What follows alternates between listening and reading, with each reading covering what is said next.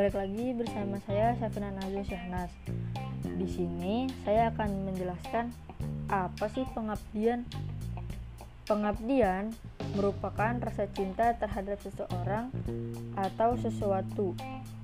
Pengabdian juga cara kita memperjuangkan hak rakyat yang belum direalisasikan.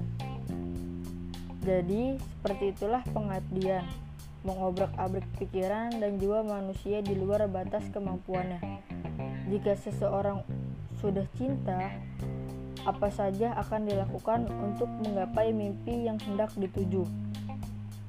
Di sana akan tersimpan sebuah perjuangan yang siang malam pun dengan sekumpulan orang yang membersamai seperti halnya cinta yang sulit dijelaskan. Apa sih ragam pengabdian? Pada umumnya, para pengabdi mengumpulkan masa untuk bisa menggapai hasil yang maksimal.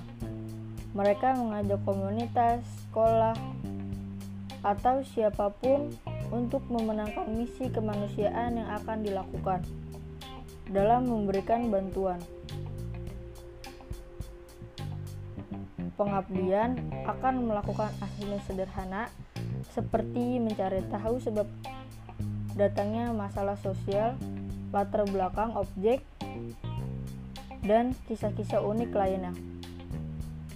Setelah itu, mereka membuat sebuah cerita disertai dokumentasi yang sangat menarik, kemudian diselenggarakan di media sosial dengan memanfaatkan teknologi periklanan yang modern. Dalam ranah ini, biasanya kita sering mendapatkan contoh tenaga pengabdian yang memperjuangkan kartu jaminan kesehatan. Bagi warga yang terbatas, pemakaian rakyat yang kurang mampu, harus berjuang menunggu giliran walaupun kasus emergensi, menunggu jika sikap yang tidak bisa dilakukan. Apabila itu terjadi resikonya mungkin lebih besar Contoh lainnya, banyak warga di kampung yang harus digusur karena adanya pembangunan yang awalnya sangat minim sosialisasi. Mungkinkah mereka bisa bertahan hidup apabila lahan mencari nafkah mereka diambil dan dibuang di tanah sendiri? Fasilitator merupakan pengabdian yang ditampil di depan umum memfasilitasi apa yang menjadi masalah dan apa yang menjadi potensi dalam suatu organisasi. Mereka keliling kampung dengan menggunakan peralatan yang mereka siapkan seperti kertas karton, lakban, kertas plano, spidol hitam, spidol warna-warni, dan sebagainya.